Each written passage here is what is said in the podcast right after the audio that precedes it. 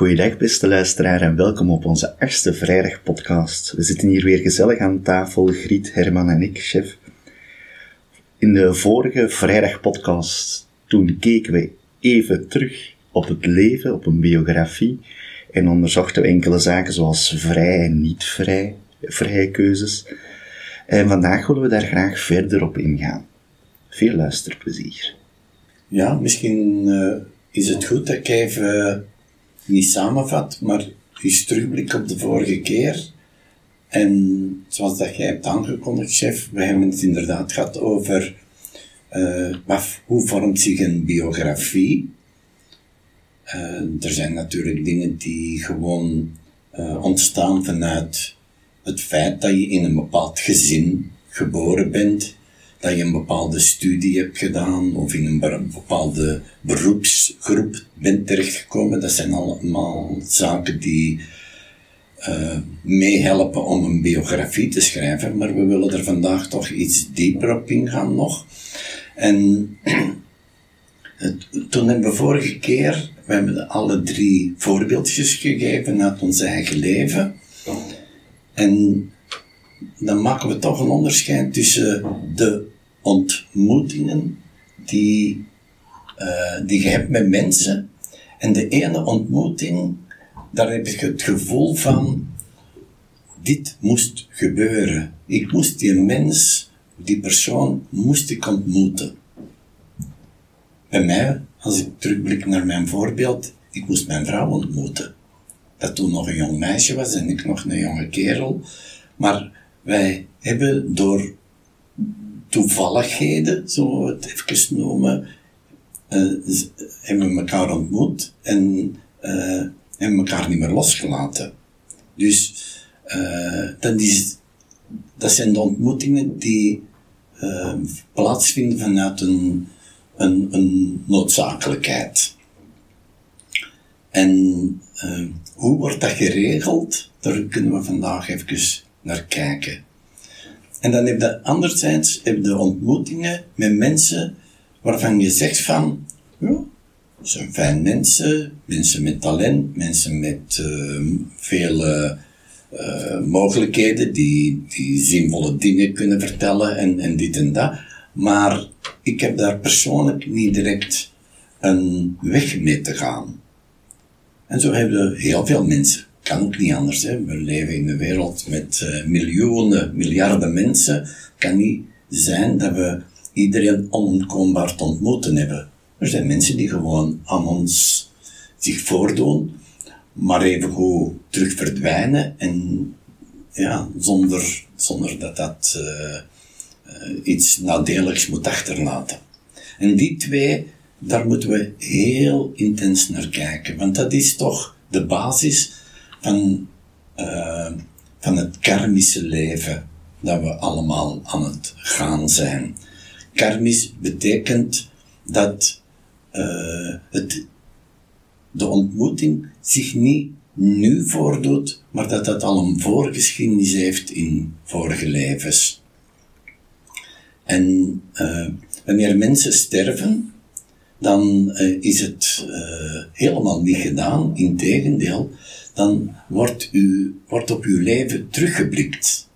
Dat doe je zelf, maar ook uh, in een soort uh, dialoog. Dat is een beetje menselijk uitgedrukt, dialoog, maar in een, in een verhouding tot de geestelijke wereld. Zij uh, zullen met jou doorheen uw leven gaan en uh, proberen met jou ook vast te stellen waar heb jij bepaalde dingen in het leven uh, uitgesproken of gedaan of gevoeld die bij de andere persoon iets heeft teweeggebracht dat uh, indringend is en dat niet zomaar vanzelf terug verdwijnt en, en ongedaan wordt gemaakt. Dat hoeft niet altijd heel uh, spectaculair te zijn. Hè? Natuurlijk, stel je voor dat je een roofoverval hebt gedaan en je hebt uh, een, zware, ja, je hebt iets gestolen ja, dat is nogal logisch dat de geestelijke wereld ervan uitgaat dat dit niet zo maar kan vanzelf overgaan. Dit moet rechtgezet worden. Dit is iets dat uh, opvolging vraagt. En de geestelijke wereld, die uh, gaat er met jou helemaal haar fijntjes tot in de details. Van geboorte tot dood wordt elke gedachte, elke daad, elk gevoel wordt hernomen. Dat is een immen, je moet je voorstellen, er wordt wat werk ingestoken, hè, om het nu platjes te zeggen.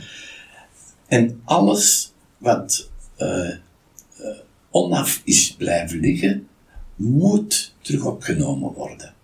En dus gaat jij uh, voornemens maken, intenties naar het volgende leven. En, met, en je gaat ook uh, aanduiden, ik wil met die persoon in het volgende leven terug een ontmoeting hebben, want ik, heb inderdaad iets achtergelaten dat niet af is. Dat, uh, dat voor die persoon nog uh, iets is dat hem, hem of haar belemmert om vrij in het leven te staan. Of ook jezelf, Herman, wat jou zelf belemmert om vrij in het leven te staan? Ja, maar, maar karma is altijd tussen mensen. Ja, ja, ja, ja. ja, ja, ja. Een, een, ja. Natuurlijk, het is uw karma, maar uw karma ten opzichte altijd van iemand en een ander.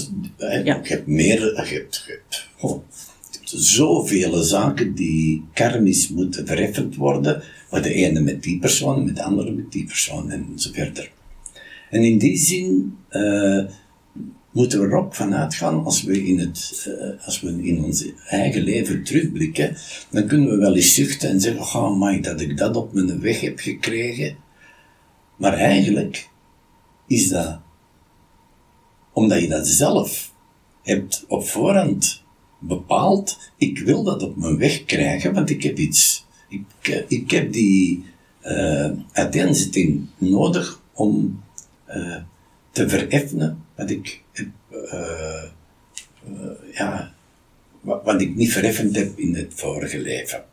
Herman, um, rond, maar het is waarschijnlijk niet, omdat ik dat meeneem vanuit, uh, vanuit het traditionele geloof. Hè. Ja. Het, het schuldgevoel, of het oordelende altijd, ik ga ervan uit, of ik hoop, dat de geestelijke wereld dat niet dat het niet oordelend is dat ze naar jou terugkijken, maar eigenlijk ontwikkelingsgericht. Wat kan jij anders doen, en daarom zelfs niet beter, ja. maar anders om tot je, jijzelf in verhouding tot anderen, of anderen in verhouding tot jou, tot ontwikkeling te komen in een volgend leven. Ja, ja uh, wat je zegt is, is, is, heel waardevol. Het gaat hier niet over schuld. Nee. Een, een schuldvereffening uh, want schuld houdt een oordeel in. Ja. ja? Uh, wat wel is, is het, het, het meest fundamentele in de menselijke relatie is de vrijheid. En alles wat jij gedaan hebt, waardoor dat je de vrijheid van een ander hebt belemmerd, ja. door, door iets fysiek te doen, ja, uh, of door een uh, uitspraak te doen, of een handeling, of een gevoel, ten opzichte van iemand, waardoor dat de andere in een onvrijheid is gekomen, dat moet, dat is de sleutel eigenlijk. Ja. ja? Wij zijn op weg om uh, geestelijk vrij te worden. En in die vrijheid zullen we zien in ons leven dat we geregeld uitschavers doen. Ja. Dat we denken van goed te doen, maar dat we eigenlijk niet beseffen dat we daarmee collega's of partners of kinderen of wie dan ook in de onvrijheid hebben gebracht. Ja. Wat niet ons recht is. Ja? Uh, dus de vrijheid is, een, is dat je persoonlijk wil ontwikkelen. En al die elementen die iemand tot onvrijheid hebben gebracht, die moeten wel terug opgenomen worden. Ja. Zodat er een nieuwe kans is om ten opzichte van elkaar in een vrije relatie te komen. Ja, maar vrijheid maakt ook dat je tot ontwikkeling kan komen. Ja, Ja. dat is het. hè. Het is, Ja.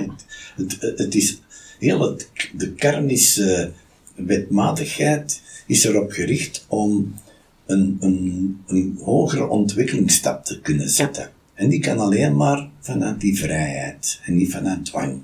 Ja. Maar dus, de ene ontmoeting, eh, aan wie, aan, aan wat kun je herkennen dat je iemand in dit leven ontmoet, dat puur uit karmische noodzaak is, dat is omdat je eh, bij die ontmoeting het gevoel hebt, wij hebben met elkaar iets te doen. Wij, je voelt dat. Dat zijn mensen waar dat je niet aan kunt voorbij gaan. Die, en dat is prachtig, hoe, want je moet je voorstellen, dat gaat om duizenden, tienduizenden mensen, allemaal tijdgenoten. En de geestelijke wereld moet dan de omstandigheden creëren omdat je elkaar zult ontmoeten. Want als je elkaar niet ontmoet, kun je ook niks recht krijgen ten opzichte van elkaar. Dus dat is haar fijn, is dat geregeld, dat op tijd en stond je de persoon zult ontmoeten waarmee dat iets uh, moet uh, plaatsvinden vanuit de wil, vanuit de daadkracht. Ja? Dus uh, als, je, als je mensen ontmoet waar dat je direct aanvoelt, wauw, hier, moet ik iets mee, en dat kan uiterlijk gezien in positief of in negatief zijn, maar het, het gaat erom, ik voel dat ik met deze persoon in beweging moet komen, dan moet er vanaf aan, dan is het karmisch. En een andere uh, aanwijzing die Rudolf Steiner heeft gegeven is uh, dat je vaak die mensen ook in je dromen krijgt. Dus de droomwereld is niet een zomaar iets, maar is echt een wereld waarin dat het, het karmische tot een beeld komt. En je, je, je zult vaak, en je moet dat maar eens bekijken, dat is ook een opdracht die we, die we elkaar kunnen opleggen. Ga eens na van welke mensen dat jij geregeld droomt en van welke mensen dat jij nooit droomt. Want dat is een, mooie, een mooie aanwijzing. Maar dus de mensen uh, die, je ontmoet ook heel veel mensen die die je niet hoeft te ontmoeten. Ja? Uh, die, wat je in een vorig leven ook geen uiteenzetting, misschien zelfs niet ontmoet hebt, maar die nu in uw leven wel uh, op het toneel komen. Maar uh, dat zijn meestal verstandsrelaties. Zo van, oké, wij appreciëren elkaar, we zien elkaar, we, we, staan in hetzelfde beroepsveld of, of hetzelfde vriendenkring maar, maar ook niet meer dan dat. Je hebt niet het gevoel, wij hebben samen niets te doen. Dus dat is het verschil tussen kermis en niet-kermis. Kermis is echt een wilsovereenkomst, uh, een wilsdaad die moet plaatsvinden. Het andere is eerder een verstandsrelatie. Dat is een beetje zo, het, ik weet niet, het is al een beetje verdiepend, want dat is niet allemaal vorige keer uh, ter sprake gekomen. Maar ik denk, zowel onder ons met drieën, als naar de mensen die luisteren, zou het wel een opdracht kunnen zijn. Dus, uh, waar ervaar je in het leven dingen die op u af zijn gekomen en die niet te ontwijken waren, dus die onontkoombaar op u af zijn gekomen? Dat is, die, dat is de verledenstroom. En die is, dat is karmisch. En je hebt anderzijds, moet eens nagaan, zaken die jij zelf hebt, actief hebt opgezocht, die niet vanuit die verledenstroom komen, maar, van, maar dat je komt in een situatie dat je zegt van, hier moet ik een vrije keuze maken. Ga ik in die richting of ga ik in de andere richting? Kies ik voor dit of kies ik voor dat? Zonder dat de buitenwereld, uh, dat je daar invloed laat van doorstromen.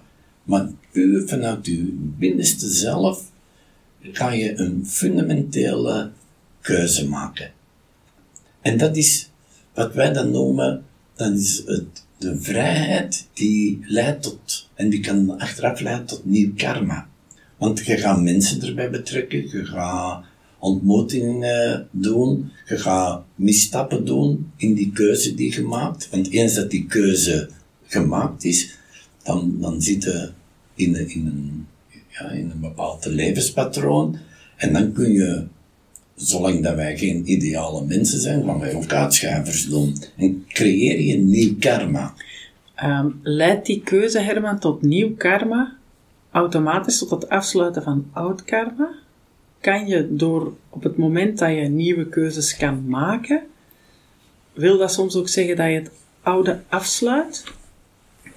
Of loop je ervoor weg? Hè? Nee. Maar als het zo echt een fundamentele, eigen, vrije keuze is, kan het ook zijn dat je op dat moment kan zeggen, ik laat het oude achter.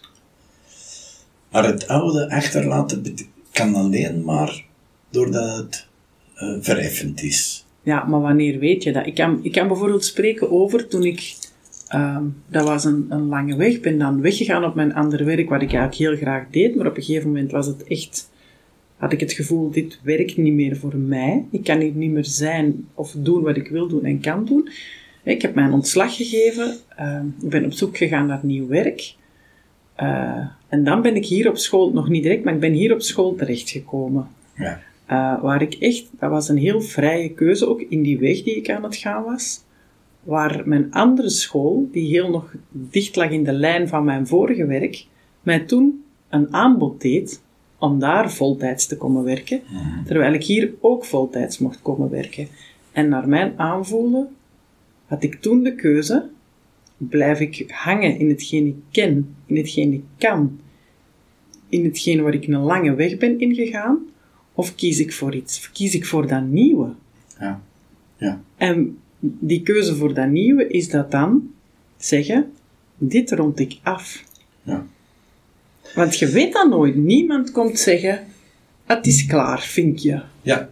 Nee, maar dat zul je pas na de dood, Ja, eh, in de voorbereiding naar het volgende leven, gaat de geestelijke wereld, die dan eh, objectief naar de dingen kijkt, kunnen vaststellen of jij op het moment dat jij dat oude hebt achtergelaten, of de andere keuze die zich voordeed niet hebt opgenomen, om te zien, heb je daar iets ontlopen, ja, of was het echt zuiver afgerond? Ik denk dat je dat in dit leven eh, een stukje kunt aanvoelen, maar 100% zeker ben je er niet van. Want we zijn dat een keer als mens ook in ons, in ons oordeel en in onze beoordeling zijn we ja, eh, beperkt. We, zijn, eh, we, zien, we denken, ah, ik heb dat al goed gemaakt met die persoon. Maar in wezen kan het zijn dat die andere toch van binnen eh, met, met een zekere frustratie zit of met een on- ongemakkelijk gevoel en je hebt dat niet door. Dan, dan is dat karma niet helemaal opgelost. Ja? Dus best is dat je natuurlijk in het leven heel bewust leeft en dat je zegt van, goh, ik denk dat ik dit mooi heb afgerond, dat ik een, een vrije nieuwe keuze kan maken. Maar het zal pas later in de terugblik zijn of dat ook wel 100% zo is. Of is het ook een oefening in het is wat het is, een keuze maken en daar dan alle consequenties ook van dragen. En, en daar ook een stukje uzelf in oefenen. Weten, ik laat dat achter en ik ga voor iets anders en ik ga hier dan mee aan de slag met alle consequenties van dien. Ja. Maar ik denk, het is wat het is, dat dat voor de geestelijke wereld niet voldoende is. Ja, maar dat kan ook wel een drijfveer zijn om dingen aan te pakken. Ja, iets zeggen, hè? Ja, dat, ik, ik heb eigenlijk nog een vraag over dat stuk eh wat je daarnet zei, Herman. Karma is altijd een, een samenweg of een samenspel tussen twee mensen, maar kan je ook een karmische uiteenzetting hebben met jezelf? Bijvoorbeeld het feit, ik loop altijd vast, ik zeg nu maar iets wat niet per se zo is, maar ook op het vlak van keuzes maken. Hè? En stel, hey, in mijn vorige, eh, in een job die ik ooit heb gehad, daar liep ik op vast, dus ik ga naar een andere job en dan kom ik dat terug tegen. Is dat dan ook een karmische ontwikkeling of een, of een uh, opgave, of is dat, want dat gaat eigenlijk over mezelf ten opzichte van uh, mensen waar ik een verstandshouding mee heb en niet per se een karmische verhouding mee heb. Ja. Want dan, dan kom ik een beetje naar dat stuk waar, denk ik, wat Griet haar vraag is, hè? Ja. Stuk waar dat ze in haar vorige job van zegt, het is hier gedaan, en dat ze nu misschien dat hier wel tegenkomt. Maar dat gaat over haarzelf en niet dan per se over de connectie met hè, haar collega's of, of, of school toen, maar die ze hier dan wel moet doorzetten. Ja. Ja, dat is interessant. Ik weet niet of we daar, eh, want dat, dat zou ons heel ver leiden, maar eh, in, in, in de kermische vereffening eh kun je ook zien eh, dat je als persoon een bepaalde, moet ik dat zeggen, verschijningsvorm hebt, een bepaalde, bepaalde kwaliteiten tentoonstelt, die een gevolg zijn van hoe dat jij was in het vorige leven. Dus ook u als persoon, hoe dat je bent, hoe dat je geleefd hebt, eh, zal in het volgende leven zijn consequenties krijgen. Maar dat is altijd in samenspraak met anderen.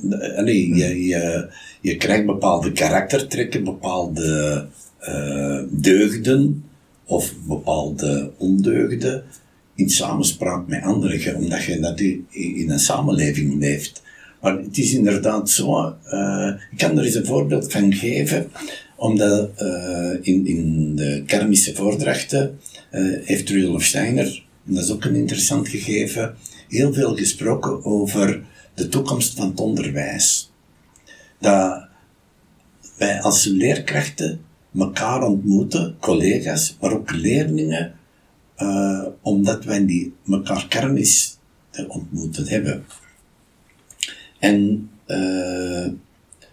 bijvoorbeeld zegt hij, en dat is verregaand natuurlijk, en voor sommige mensen kan dat misschien uh, uh, even ja, bedreigend zijn, ik weet het niet, of, of, of verrassend. Maar hij geeft een paar voorbeeldjes. Hij zegt, wie in een bepaald leven heel veel overmand is geworden door antipathie en haat tegenover anderen, ja, en die dat niet heeft kunnen overwinnen, die gaat in een volgend leven een leven doormaken met heel veel verdriet en pijn. Zo, benoemt hij dat. Uh, als je verdrietige mensen hebt die uh, heel vaak, als ze over het leven hebben, uh, benadrukken hoe, hoe, pijnlijk voor hen het leven wel is en hoe moeizaam het loopt, dan zegt hij, dan is dat een, een karmische verwerking van het feit dat in het vorige leven je je als persoon te veel gericht hebt op afgeven op de buitenwereld, op antipathie en, en, uh, en haat. Dus, en hij zegt, als je dat uh, in het huidige leven dan ervaart van, goh, mijn leven is een en al uh, verdriet en pijn, en je kunt dat niet overstijgen, dan zegt hij, en dan, dat is heel, heel straf natuurlijk, dat je in het volgende leven uh, daar ook weer de consequenties van draagt. Van die pijn en dat verdriet uh, niet te kunnen overwinnen. En dan ga je in een volgend leven uh, een, een leven doormaken van het, bijvoorbeeld op het vlak van leren, een onkunde gaan ontmoeten. En, en, maar dat was natuurlijk in de jaren 23, 1923 dat hij uitsprak. Dan, dan, dan krijg je de kinderen in de klas die een zekere onverstandigheid tonen. Niet kunnen leren, leermoeilijkheden krijgen. Niet kunnen leren van de buitenwereld. En uh, dat is natuurlijk een, maar waarom zegt hij dat? Hij zegt, de, de oorzaak ligt hem twee levens terug. Namelijk antipathie en, en haat getoond. Maar de persoon waarop dat je die hebt gericht, die, die, die haat en die, die antipathie, die komt in, in dat volgend leven terug. En in, ook in het leven daarna. En hij zegt, je moogt ervan op aan dat die vaak in dezelfde klas zullen zitten.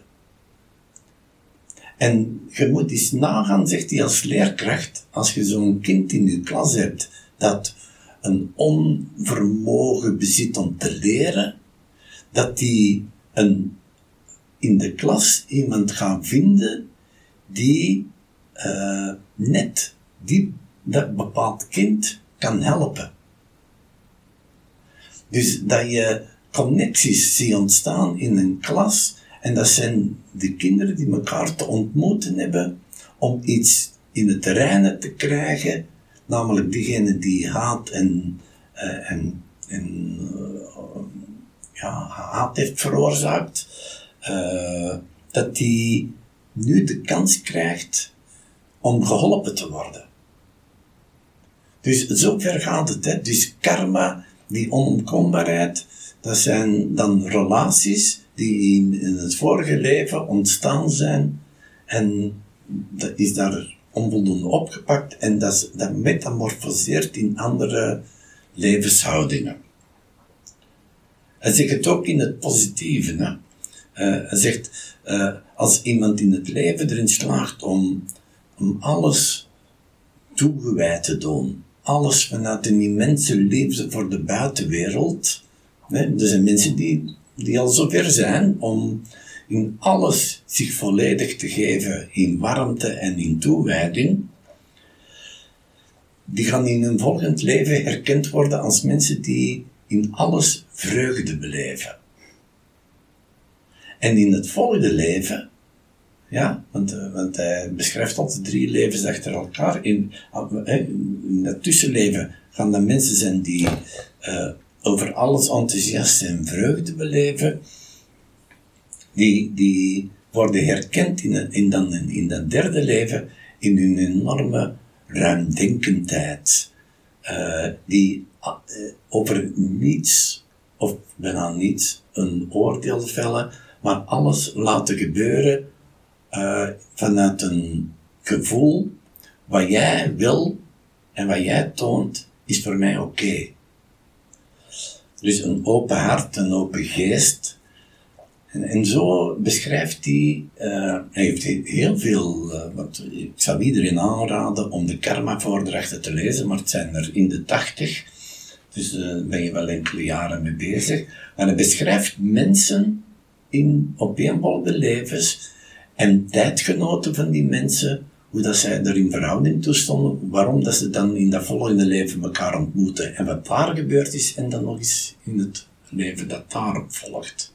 Dus eh, eigenlijk een enorm boeiend. Van, daarom dat, dat Rudolf Steiner ook zegt, hoe belangrijk dat onze pedagogie is, omdat wij nog meer in de toekomst niet anders zullen hebben dan in een klas en in een lerarencollege mensen elkaar ontmoeten om uit kermis oogpunt.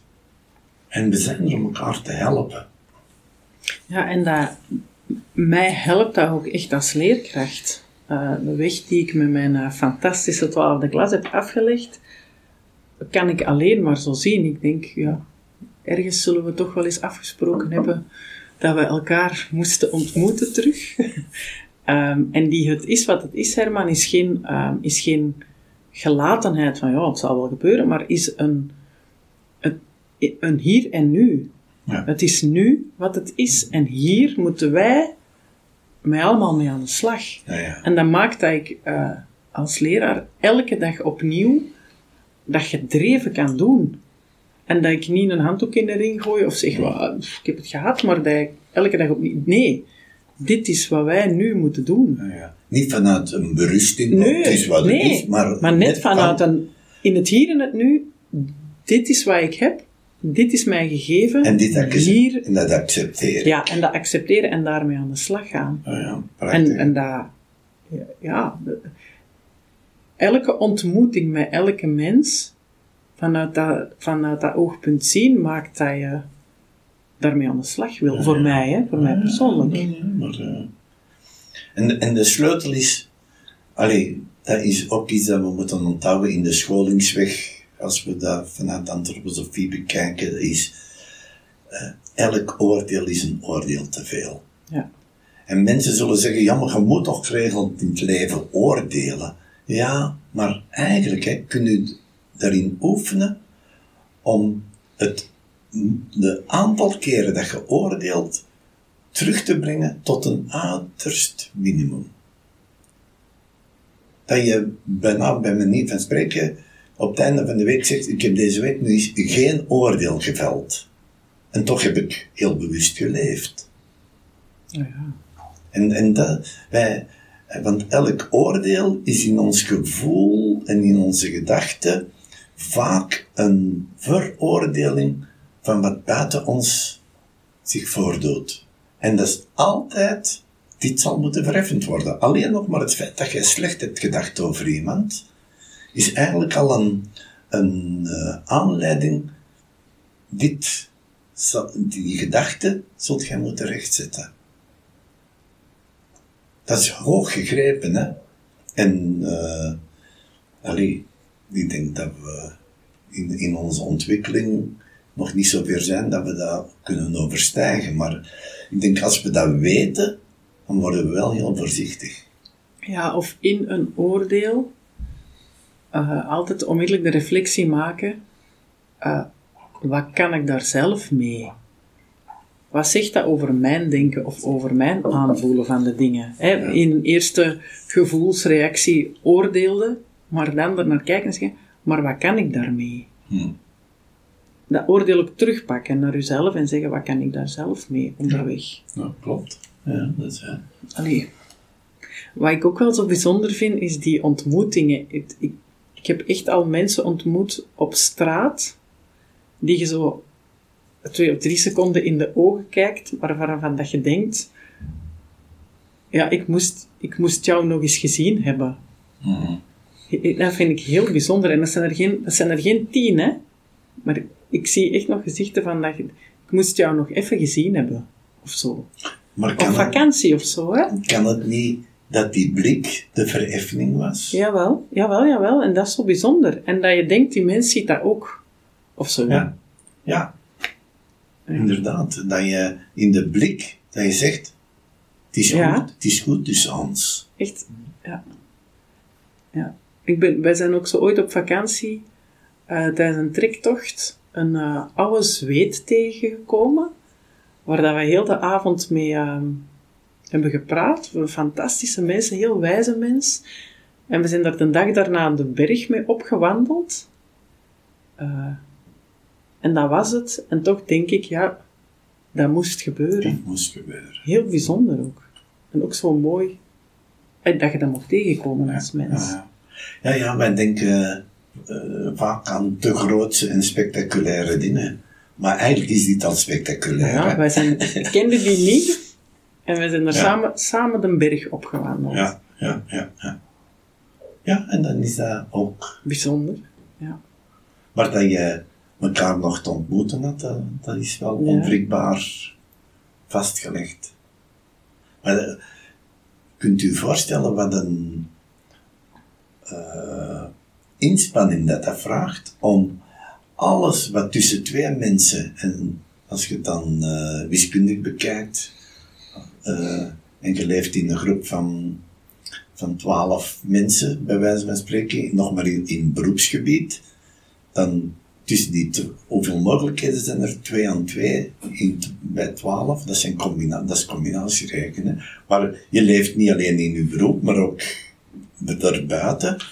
Dat zijn duizenden, duizenden karmische ontmoetingen die, die moeten geregeld worden. En dat, dat is grandioos, hè. Niets wordt aan het toeval overgelaten. Alles moet plaatsvinden. Maar dan hoor ik echt nu mensen heel kritisch vragen, Herman. Zit er dan iemand met een schrijfbordje? Allee, hè? Om het gewoon visueel. Zit er dan iemand met een schrijfbordje zo lijntjes te trekken. Uh, hoe, hoe, hoe krijgen ze dat dan geregeld? Of Maar, nog er- meer... maar, de- als je kijkt naar de, de ordening en de geleding binnen de geestelijke wereld, eh, dan weten wij, omdat we er natuurlijk als leraren op studeren, dat er negen hiërarchieën zijn. Dat begint, iedereen heeft een persoonlijke engel. Elke gemeenschap heeft een aartsengel. En zo verder. En eh, we zijn in Chartres geweest. Ja. eh, daar staat in één portaal staan die negen hiërarchieën in bogen rond de mens geordend. En die negen hiërarchieën, die moeten zich uiterst inspannen om alles karmisch correct te laten verlopen. Die zitten niet met een schrijfbordje, Nee, nee. maar die, maar die eh, niets gaat verloren in de geestelijke wereld. Niets wordt zomaar vergeven. En zo van, oh, ja, zoals wij misschien als leraren, we hebben van alles gezien en, en oh, dan moet iets rechtgezet worden en aan een tijd ben je dat vergeten en dan, ja, wow. Nee, in de geestelijke wereld niet. Eh, en maar goed ook dat het een strenge rechtspraak is. Waar dat je aan deelneemt. Hè. Het is niet dat dat boven je hoofden wordt beslist, maar jij gaat in, in relatie tussen twee levens in met die, met die hiërarchieën en alles wordt vanuit karmisch oogpunt bekeken en jij stemt ermee in. Je kunt ook weigeren, want in de geestelijke wereld ben je ook vrij. Kun je ook zeggen van, ja, maar, maar dan, dan, dan neem je dat mee weer in de toekomst. Want wat je niet opneemt, krijg je terug. Dus het, het, het, het is een heel strenge rechtspraak. Maar het streeft niet naar iets oordelend, hè? want dat vind ik wel heel belangrijk om dat helder te krijgen. Het streeft eigenlijk toch, Herman, naar geestelijke vrijheid voor elke mens. Ja. Dat is toch het grote. En eigenlijk toch ook een liefdevolle wereld, hè? ja. Voor elke mens. Dat is toch het grote streven. Maar altijd bekeken vanuit de, niet vanuit de menselijke waarheid, maar vanuit de kosmische waarheid. Ja, ja. En de menselijke waarheid wil, wil daar zich toe ontwikkelen.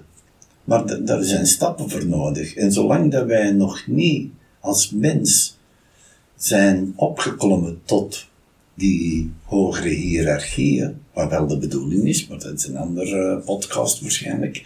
eh, ja, zullen we eh, moeten vertrouwen op die kosmische wijsheid om naar ons eigen leven te kijken en om te zien van, ah ja, ik dacht dat misschien wel dit verheffend had, maar eigenlijk blijkt het niet, niet zo te zijn.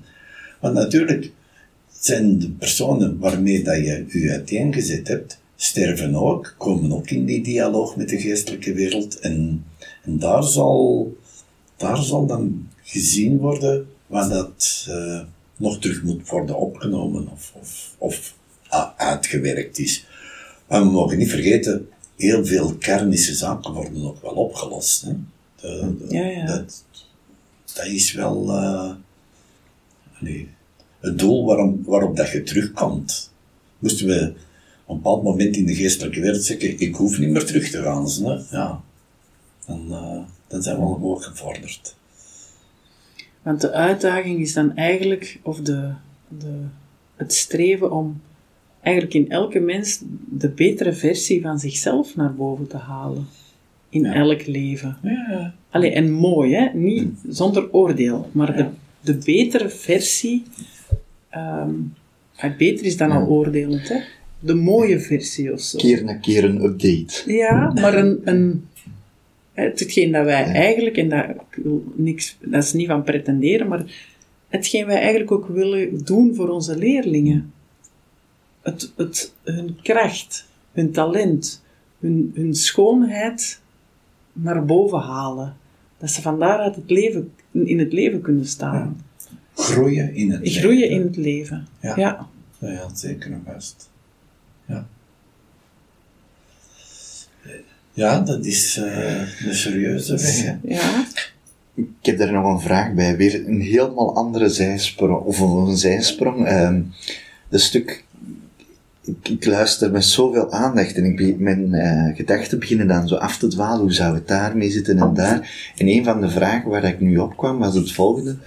Ehm karma is altijd een, een samenspraak, eh, of een samenspel tussen twee personen. Of, eh.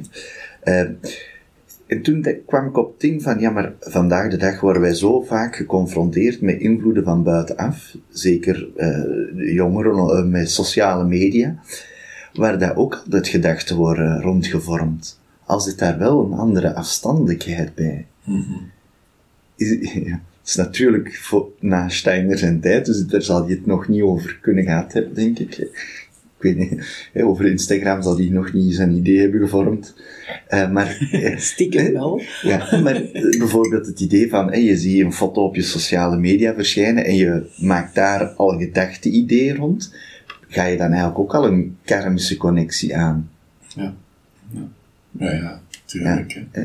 Tuurlijk. want, eh, maar maar je, je, je ziet dat heel die technische ontwikkeling een, op zich de, eh, de ontwikkeling van de mens dwarsbomen. Ja, want het geeft toch een, het zorgt toch voor een gigantische opdracht Ja, naar de toekomst toe. denk maar, ben je een half uurtje aan het scrollen, wat al Ja. niet meer zo gek is. Hoeveel beelden, mensen dat je tegenkomt, waar dat je dan eigenlijk een, een, een opdracht ja, mee aangaat voor Maar dat, dat, dat, de komende dat, levens. dat is ook karmisch, hè? dat blijft Ja, karmisch. dat geloof Ja. ik. Want dat is, eh, je denkt wel, oh, niemand heeft dat gezien. Ik stiekem eh, naar een porno-site of zo. nee, nee. Eh, alles, ja, alles wat, je, wat plaatsvindt in je bewustzijn en, en zal, zal spelen. Dus je kunt dat niet ontlopen. Maar, maar eigenlijk is dat wel, daar heeft Rudolf Steiner nog wel over gesproken, hij heeft dat voorspeld. Ja. Niet, ik wil dan nu niet van, ah, maar ik kan die de toekomst voorspellen, daar gaat het mij niet over. Maar het gaat er wel over dat hij heeft gezegd, de tegenkrachten tegen de menselijke ontwikkeling, en ontwikkeling gebeurt van mens tot mens. Hè? En in groep, groepen natuurlijk ook. Hè? Maar, eh, en, en nu schuift eigenlijk de, de tegenkrachten, want in de geestelijke wereld, ik heb gesproken van negen hiërarchieën, maar in elke hiërarchie heb je ook de tegenkrachten. En een van de belangrijkste tegenkrachten in deze tijd, je wordt met een naam genoemd en eh Hariman, maar, maar is ook niet zo belangrijk die naam. Maar eh, is een van zijn instrumenten is heel de technologische ontwikkeling van dit moment. Dat, de, dat er een, de menselijke ontmoeting gedwarsboomd wordt door een schijnontmoeting via de technologie. Maar ook daar zullen we moeten verantwoording over afleggen. Je hoort regelmatig jongeren die elkaar besmeuren, be- be- be- beschimpen door berichtjes te zetten op, eh, ik, ken het allemaal onvoldoende, maar eh, waarbij degene die eh, ja, gepest wordt, ja, er heel erg van afziet, omdat die ja, via WhatsApp of, of wat dan ook, ja, eh, bepaalde opmerkingen krijgen die onterecht zijn. Maar ook dat moet allemaal meegenomen worden in het karmische verhaal. Het is niet omdat zoiets op zo'n tech- op zo'n technologische wijze de wereld wordt ingestuurd, dat je ervan vrijgepleit wordt. Ook dat zult je moeten... Dus het is allemaal een kwestie ook van bewustzijn. Eh, bewust, datgene wat je doet moet juist en correct zijn en mag iemand anders niet eh, tegenwerken en tegenzitten. Dus, eh allee, ik denk dat wij moeten beseffen wat een ontzaglijke eh, spinnenweb dat dat is. En hoe ontzaglijk groot dat de opdracht is van de geestelijke wereld, want die staan ten dienste van ons. En, en die zijn zeer streng. Eh, en we hebben dat niet ontlopen. Maar ik wil nog Ik weet niet in hoeverre dat we tijd hebben. We hebben nog tijd. We hebben nog tijd. Eh, ik, want ik, ik, ik besef dat we natuurlijk misschien eh, op een niveau zijn gekomen dat voor sommigen wat, ja, misschien wat te bedrukkend is. Maar alleen, Maar het is ook vrij, hè, Herman. ja, ja. Het, het, het- we, we pretenderen ook niet van de waarheid in pacht te hebben. Hè? Nee, nee, nee. Dit is een manier om, Ja. om naar het leven te kijken. En Ja. elke luisteraar, iedereen is oh, zo vrij om, om, om ja, Ja. of nee te zeggen. Ja, hè. En ik denk ook, ehm, om daar even op in te Ja. springen, want dat was eigenlijk ook een, denk ik, een stukje ehm, de, de opstart van, van de podcast. Hè. We, we willen een aanzet doen ehm, en ga daar verder mee aan de slag. En Of is het niet. voor u, dan Ja. laat het dat liggen. Ja. En ben je geboeid, dan eh, heb je al de aanbeveling van alle voordrachten rond kerma. Hè. 80. Ja, ja. Dus,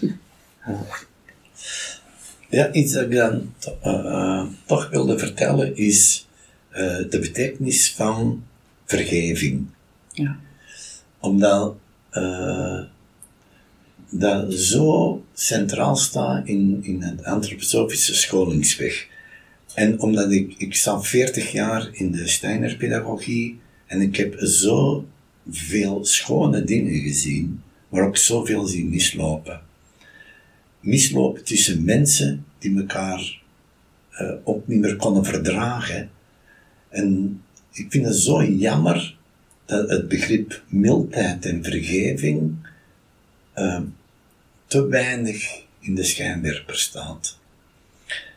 En, en dus rond die vergeving wil ik iets vertellen. Als, als er iets tussen twee mensen heeft plaatsgevonden, dan is er, is er vaak wel degene die de aanval richt en de andere die het slachtoffer is. Ja? Eh, vaak is dat zo. Eh, en eh, nu denken we, degene die zich verongelijkt gevoeld heeft, die, die onrecht is aangedaan door de andere, dat die zegt van, en die ander zal dat moeten goedmaken. Hè? Dat is eigenlijk het begin van karma.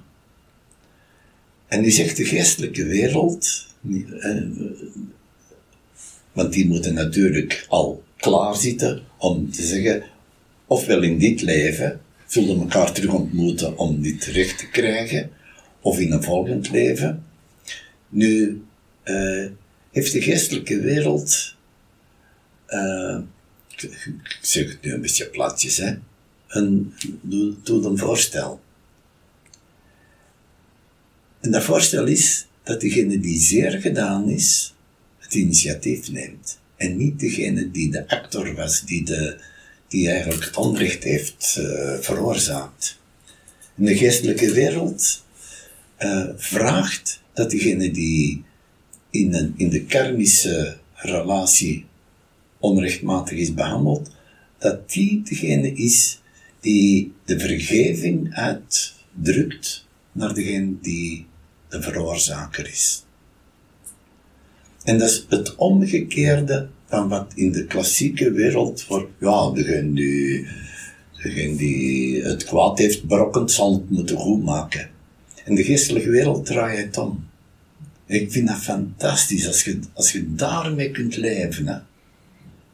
Dat diegene die pijn is gedaan, diegene die onrecht is aangedaan, zo ver in zijn gedachten leven en in zijn eigen leven de zaak kan veranderen dat er vergiffenis komt en vergeving. En maar ik zal nog even afwerken. En dan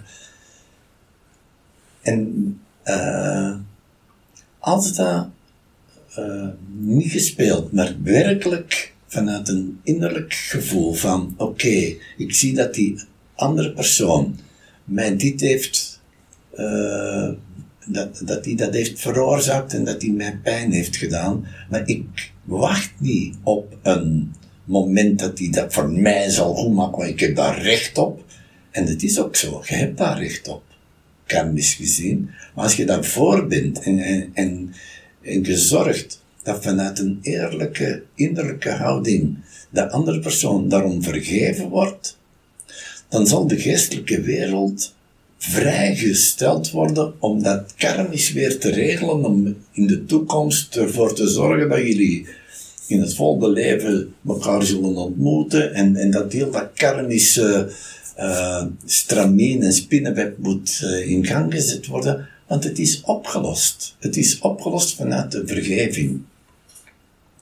En Rudolf Steiner, om nog geen Emmis te, te noemen, heeft gezegd, wanneer jij door vergeving een karmische, een karmisch probleem tot een oplossing hebt, hebt weten te brengen, zult gij vanuit de geestelijke wereld in uw volgend leven uh, een, een, ja, hoe moet ik zeggen, het voorrecht krijgen van de genade. Dat is een raar woord, hè. Je, je, je, je wordt, uh, je krijgt in je leven momenten die, die wij kunnen bestempelen als genadevol. Schone momenten die het gevolg zijn dat je op vrijwillige basis iemand, en dat kan groot of klein zijn, uh, vergeving, vergiffenis hebt geschonken. Ik vind dat zo fantastisch als denkbeeld, dat je niet moet wachten.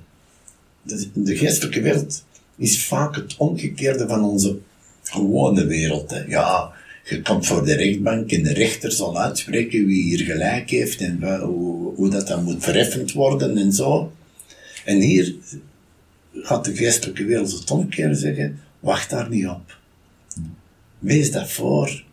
En, en, en, dat is natuurlijk zijn hartekrachten, dat je vanuit je hart zegt, en wel, ik weet, ik ben hartpijn gedaan, ik ben onrechtmatig behandeld, maar ik kan mij erover zetten en ik kan dat, een warm hart, kan ik die persoon dat ver, vergeven.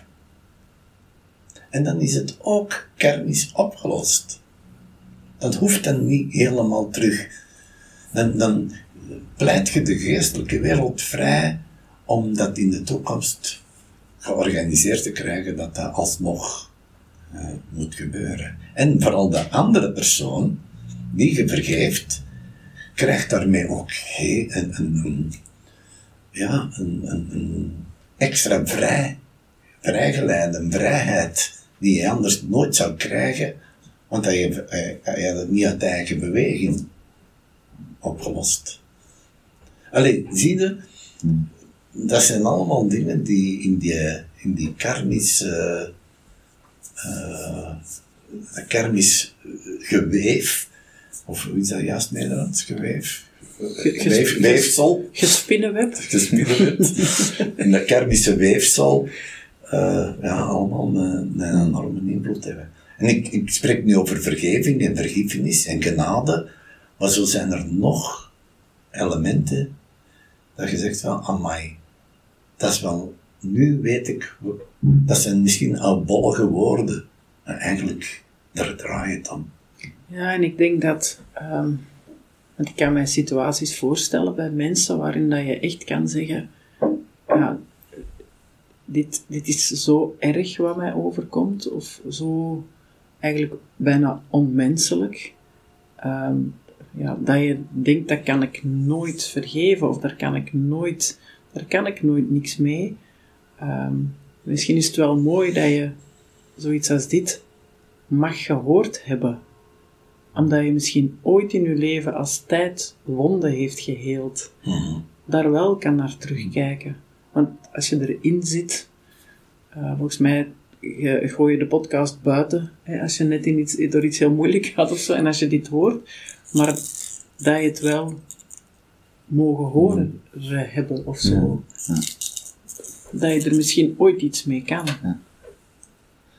ik vind het uh, ook zo'n zo'n mooi beeld als je degene bent die u iets aangedaan wordt, dat je eigenlijk de, degene die u iets aandoet ook vrij kunt brengen van zijn kermische opdracht. Ja. Maar daar heb ik dan nog wel een vraag over. Als je iemand vergiffenis schenkt en op die manier, heeft hij daar dan ook een ontwikkeling in kunnen maken? want eigenlijk zeg je van, jij hebt me iets aangedaan, maar ik vergeef u. Dus dat is karmisch opgelost, om het heel simplistisch even voor te stellen. Maar heeft hij er dan iets mee kunnen doen? Want die heeft het dan niet zelf meer uiteen moeten zetten. Maar eh, kunt u een situatie in uw eigen leven niet inbeelden dat je iemand iets hebt aangedaan en dat op een bepaald moment die persoon naar u toe op een heel warm gevoel, je blijft daarmee zitten. Gewoon, eigenlijk moet ik dat nog wel eens rechtzetten. Eigenlijk eh, heb ik daar toch wel wat grof geweest. Of dit, dat hoeft niet altijd de grootste dingen te zijn, hè, maar gewoon eh, iemand die is grof eh, behandeld te hebben. En op een bepaald moment, en, en je zit daarmee, hè, op een bepaald moment komt die persoon heel hartelijk naar u en begroet u en zegt, oh, dat vind ik nu fijn dat ik u terugzie. En, eh, en op die manier laat zien van, wat daar ooit gebeurd is, is eigenlijk voor mij, voor mij, dat is verheffend. Dat is, en wat een opluchting dat dat voor u wordt. Dan, hè, als diegene die eh, op die manier laat eh, te weten komt dat je, de- dat je vergeven bent Ja. eh, van wat je iemand hebt aangedaan, dat is een opluchting. En dat, dat kan voor u ook een stimulans zijn om dat naar andere mensen te doen. Goh, eigenlijk moet ik dat ook meer doen. Zo is die hartelijkheid en die, dat tonen van, goh ja, eh, ik weet eh, dat het tussen ons wat is misgelopen, maar eigenlijk speelt dat voor mij niet meer. Zo. Dus eh, in, in zekere zin, en is het niet zo, blijft er toch iets hangen, ja, dan, dan zal het in de geestelijke wereld wel opgeraapt worden. Van, ja, eigenlijk heb jij niet gezien hoe dat die persoon naar u op een heel milde en vergevingsgezinde manier u, u beantwoord heeft en je hebt dat niet, dat niet gepakt. Dus dat kan. Dus, eh, maar er straks heb ik zo dat voorbeeld gegeven, als iemand haat en pijn eh, in het leven heeft, hoe dat, dat zich metamorfoseert in het volgende leven. Maar eh, je ziet dat je dat kunt, dat je dat kunt, dat je niet moet afwachten tot het volgende leven, dat je daar voor kunt zijn. Dat, dat heel veel deugden, en allee, dat vind ik een van de belangrijkste dingen in ons onderwijs, dat wij, wat wij doen in de klas aan ontwikkeling, dat we eigenlijk bezig zijn met die mensen in het later leven op een schone manier in het leven te laten staan. Hoe dat die metamorfoses plaatsvinden eh, tussen ontwikkelingsdoelen en de latere levensdeugden. Eh, ik denk dat we het er al eens over gehad hebben. Misschien nog niet in een podcast, maar dat zou wel eens fijn zijn om, om dat Ja. bijvoorbeeld volgende keer is te laten zien hoe dat, hoe, hoe, hoe dat bepaalde levensdeugden eh, een kind moeten krijgen vanuit de opvoeding. Dat niet zomaar vanzelf tot een deugd wordt. Waar ik, ik wel hè, nu aan moet denken, is ook ehm, dat als je naar andere mensen kijkt, en dat is gewoon zo, ehm, wij zijn allemaal onderweg. En we zijn allemaal aan het leren en in ontwikkeling en aan het groeien eh, en, en eh, ons karma aan het oplossen of ermee aan de slag. Als je zo naar andere mensen kijkt, kan dat toch alleen maar ook in mildheid naar, wa- naar de handelingen van andere mensen. En misschien vraagt dat veel, hè, omdat sommige mensen echt soms dingen doen die niet oké zijn, maar, maar ook bijvoorbeeld onze leerlingen of zo, als zij, die zijn allemaal onderweg. En dan maakt dat je toch maar met mildheid kan kijken Ja. naar hun handelingen. Maar eh, eh, uiteindelijk leerlingen die leren vanuit de navolging. Ja. En wie hun ouders zijn en wie hun leraren zijn, dat is van fundamenteel belang hoe dat zij in het latere leven zullen staan. Daar moeten we vanuit gaan. Wij gaan voor. Ja. En rond de leeftijd tussen 18 en 21 keert zich dat. Dan moeten ze zich vrijmaken van de opvoeders en moeten hun eigen weg beginnen gaan. Maar nu in de middelbare, lagere en middelbare school zijn het navolgers. in de positieve zin van het woord. Maar alles wat wij doen als ouder en als leerkracht moet heel bewust gebeuren, opdat zij instrumenten krijgen om in het latere leven zo te staan dat zij niet heel de tijd uh, karma aan het opbouwen zijn, maar aan het oplossen zijn. Eigenlijk moeten wij hen voorleven hoe met het leven om te gaan. Voilà. Ja. En met die ontwikkeling, hoe ga je met dingen die op je pad komen om? Ja. Maar dat vraagt natuurlijk toch ook van een leraar dat hij al op weg is. Hè? Ja, ja. Ja. Maar daarom, hè, leraren die vakkundig perfect zijn, maar helemaal niet stilstaan Nee. met het leven, daar hebben leerlingen niks aan. Nee. Dat wil ook niet zeggen dat we leraren moeten hebben die vakkundig niet sterk zijn. Het vak is een middel, hè. Ja. Maar uiteindelijk gaat het, wie ben jij als mens? Ja. En wil ik u volgen? En dan zullen alle leerlingen zullen dat in hun gedachten hebben. Op dat vlak wil ik die wel volgen, maar op dat vlak niet. Maar dan zijn er weer andere collega's die op andere gebieden sterk zijn. En, en dat is het mooie. Maar ik stel voor dat we, Ja. dat we de volgende podcast het hebben over hoe kun je dat nu doen als leraar? De basis leggen voor een, het latere leven van onze jongeren, dat zij karma weten tot oplossing te brengen en te vermijden dat ze altijd maar nieuw karma creëren, eh, maar dat ze eh, ja, in de richting van de vrijheid gaan. Mooi. Want is dan, want je zegt leraar, maar ik denk dat ook dan toch een taak is als Ja, ouder. Ja, ja, ja, ja, ja, voor, ja, ja, ja. voor Ja, alle ja. duidelijk. Ja, ja. Ja. Oké, chef, Herman, luisteraars. Misschien hebben we wel ooit afgesproken dat we op deze manier met elkaar gingen communiceren. Ehm, dank jullie wel om te luisteren. Mochten jullie feedback hebben op onze podcast, mochten jullie vragen hebben van dingen, eh, thema's die jullie graag eens behandeld horen, eh, of tips en tricks voor ons, zijn die altijd heel welkom op ons mailadres, chef. En dan kijk ik Ja. weer naar jou. Ja. We gaan de strijd met het mailadres aan. We, we lezen het trouwens heel graag, welke opmerking of wat dan ook. Het mailadres is vrijdag.podcast at middelbaar.steinerschoolturnhout.be Oké. Dankjewel voor het luisteren. Herman, wou jij nog iets Nee, nee. ter ik afsluiting? zou zeggen tot volgende keer. Tot de volgende. Tot volgende.